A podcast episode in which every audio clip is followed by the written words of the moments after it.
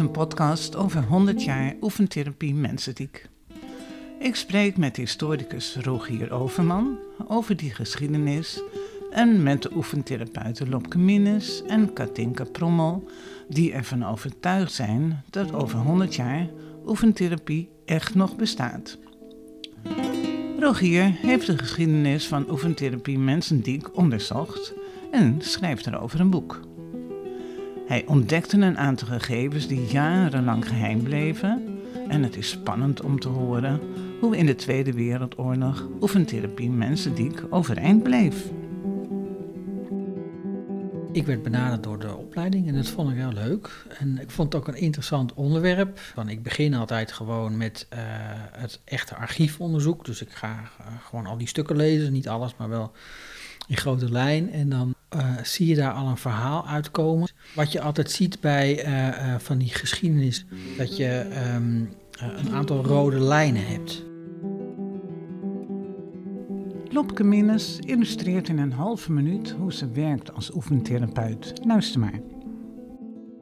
De patiënten die hier komen en wat ze ook als reactie teruggeven aan mij op de therapie zelf, um, is dat je inderdaad naar de gehele persoon kijkt. Er komt geen klacht binnen, maar er komt een persoon binnen die ergens last van heeft of ergens mee zit of ergens advies over wil. En wat je vaak hoort is dat ze zich echt heel erg begrepen uh, voelen en dat er echt iemand luistert naar hun en hun verhaal en uh, dat het ook toegepast wordt op wat ze echt daadwerkelijk in hun leven kunnen gebruiken. Dus uh, daarin is niemand hetzelfde. Het zijn voor mij altijd weer nieuwe puzzelstukjes of nieuwe puzzels waarvan ik de puzzelstukjes op zijn plek moet leggen. En hier hoor je de derde persoon in deze podcast. Katinka Prommel, gespecialiseerd in handen. Ik vraag haar hoe de patiënten bij haar binnenkomen. Via de huisartsen binnen of specialisten. Uh, een, een, deel van de patiënten komt echt uit het ziekenhuis met een verwijzing en een ander deel komt uh, vanuit, het, vanuit het, uh, de muziekwereld. Dus wij zijn aangesloten bij het concertgebouw en we zien daar veel mensen met klachten. En kun je daar een voorbeeld van geven, van zo'n rode lijn die jij nu al hebt gezien? Want je bent al een tijdje bezig. Ja. Een van de rode lijnen bij, bij uh, oefentherapie is, uh, ja, het is toch die scheiding met Caesar. En, en, en uh, het, het, het gedoe wat daardoor eigenlijk al decennia lang, nou, bijna 100 jaar bestaat. En nog steeds ergens ook aanwezig is. En misschien niet op de werkvloer, in het werkveld, maar ja, wel in, in andere lagen. Ja, dynamiek tussen al die organisaties en beroepsgroepen enzovoort. Ook trouwens met uh, fysiotherapie. Dat, dat, is de eeuwige, eeuwige vijand. En uh, ja, dat zie je door het hele boek door terugkomen steeds. Op de werkvloer werken beide oefentherapeuten Mensendiek samen met fysiotherapeuten en een oefentherapeut Cesar. Ervaart Katinka strijd? Of? Nou, ik denk dat de fysiotherapeuten op een andere manier kijken. Die kijken iets specifieker naar een gewricht. Dus die zijn nog beter in het specifiek testen en, en hele kleine problemen filteren uit, uit een specifieke beweging. En de oefentherapeut die kijkt wat breder, iets meer naar de keten. Dus de keten in beweging en toch die beweeganalyses. En ik denk dat we beide daarvan goed kunnen leren van elkaar. Ik, ik werk dan in, in de buurt van Utrecht samen met iemand die oefentherapeut Cesar is. En die geeft vooral aan dat zij het verschil vindt zitten in de ritmiek van het oefenen. Dus de, de, de mensen die is niet per se op muziek of op ritme. En dat heeft Cesar wel ook nog geïncludeerd. Um, maar verder in benadering van de mensen en de manier van kijken, de manier van problemen analyseren, denk ik dat er geen benoem, benoembaar verschil uh, in zit. Nee.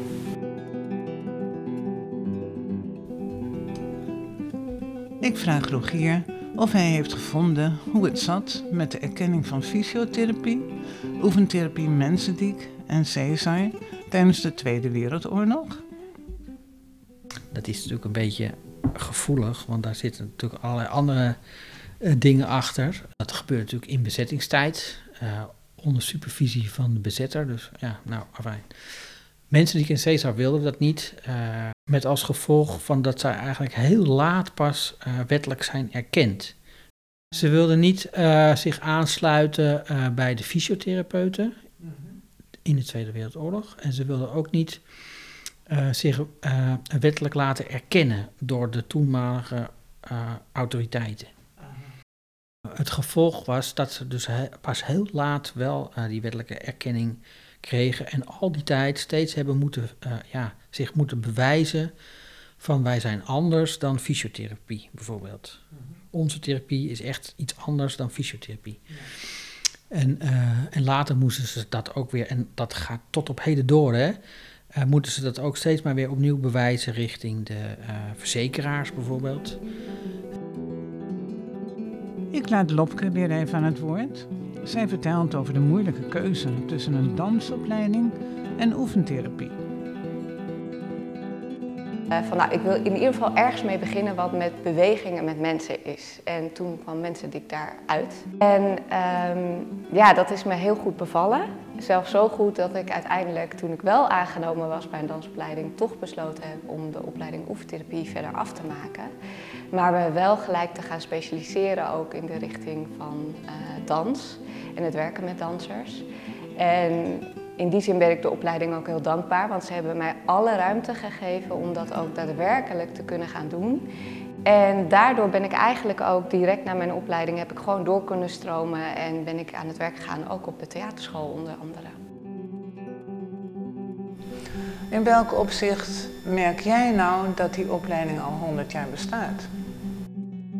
Wat 100 jaar geleden de uitgangspunten en visies uh, was, dat staat nog steeds.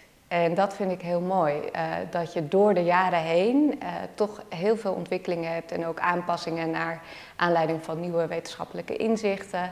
Maar als ik nu een boekje wat geschreven is in 1941 uit de kast haal, die hier staat, dan als je even door het Oud-Nederlands heen kijkt, dan lees je daar gewoon allerlei dingen die nu heel actueel zijn.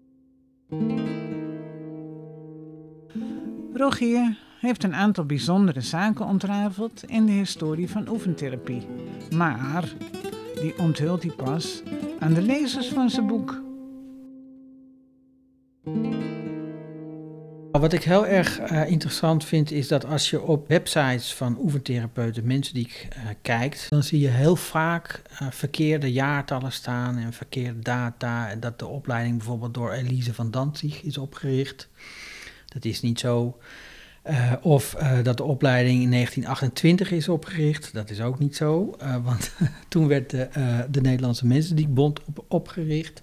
Hetzelfde geldt eigenlijk ook voor de naam, het geboortejaar en ook um, de geboorteplaats van Best Mensendiek zelf. En, en dat is ook internationaal, is daar eigenlijk altijd nog een vraagteken uh, staat daarachter. En, en uh, ik heb dat allemaal uitgeplozen. Uh, en, dus in mijn boek staat hoe het werkelijk zit. Ik zal, ik zal het nu niet verklappen.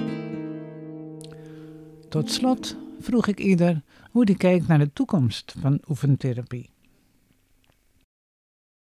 Vroeger had je een uh, beroepsvereniging Cesar en een beroepsvereniging Mensendiek. Die zijn in 2004 samengegaan tot de VVOCM, de Vereniging van Oefentherapeuten Caesar en Mensendiek. En um, ja, daarvan is het weer de vraag van, nou gaat die vereniging ook bijvoorbeeld de naam veranderen? In een vereniging voor oefentherapeuten bijvoorbeeld, snap je? Nou ja, dat zijn allemaal dingen die, die vind ik heel interessant. Uh, en daar ga ik ze ook allemaal over bevragen straks. En daar komt ook een stukje over in het boek natuurlijk. Alleen is dat wel allemaal uh, iets voor de toekomst. Dus ja. het, het, het, het hoort wel in mijn boek, uh, maar je kunt er niet iets hards over zeggen, zoals je met de geschiedenis wel uh, harde uitspraken kunt doen op basis van feiten.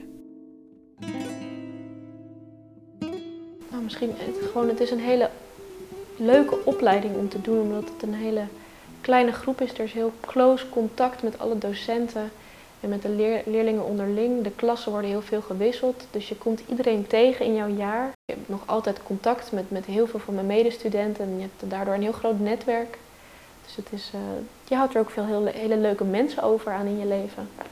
Ja.